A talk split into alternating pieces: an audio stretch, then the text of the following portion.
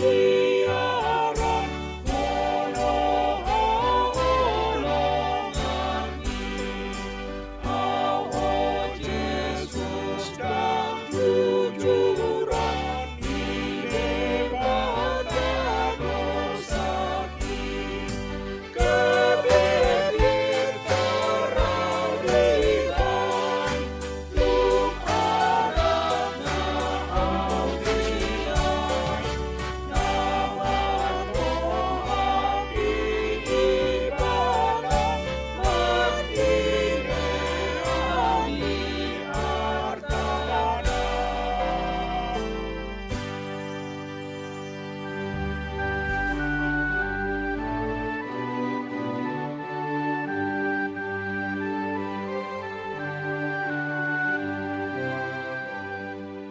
Renungan Harian HKBP Rawamangun Ikutlah Aku Kamis 9 September 2021 dengan judul Nyatakanlah dalam doa.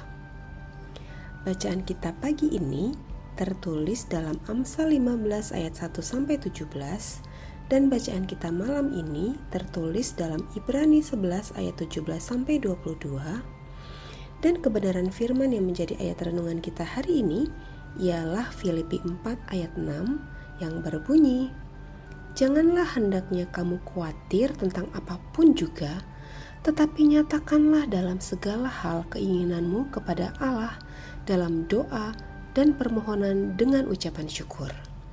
Demikian firman Tuhan.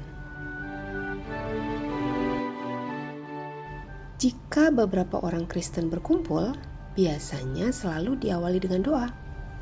Namun ada kalanya ketika seseorang diminta untuk memimpin doa, dia menolaknya dengan alasan susah ataupun tidak terbiasa. Alkitab dengan jelas mengatakan bahwa jawaban dari hidup ini ialah doa dan iman. Rasul Paulus menulis ayat renungan di atas dan meminta kita untuk setiap saat mencari Tuhan dan terlebih dahulu bersyukur kepadanya karena ia mendengarkan kita. Sangat menggetarkan hati pada masa pandemi ini menurut koran elektronik Tribun Banten bahwa angka pengajuan perceraian di Pengadilan Agama Cilegon pada periode Januari sampai Juli 2021 naik menjadi 558 kasus dari 528 kasus di periode yang sama di tahun 2020. Rata-rata semuanya dikarenakan faktor kesulitan ekonomi dan orang ketiga. Kekacauan melanda kehidupan keluarga. Kondisi stres, depresi, keduniawian, dan kepalsuan memperparah hubungan antar anggota keluarga.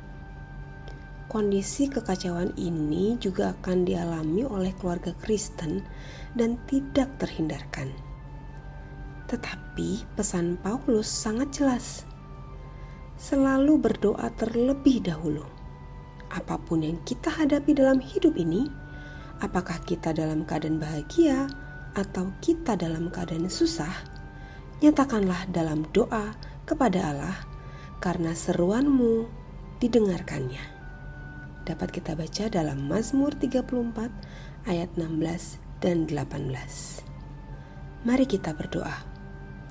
Tuhan Yesus, maafkan kami jika kami terlebih dahulu mendatangi orang lain untuk meminta saran dan nasihat dibandingkan berdoa kepadamu. Sadarkan kami, Tuhan. Amin.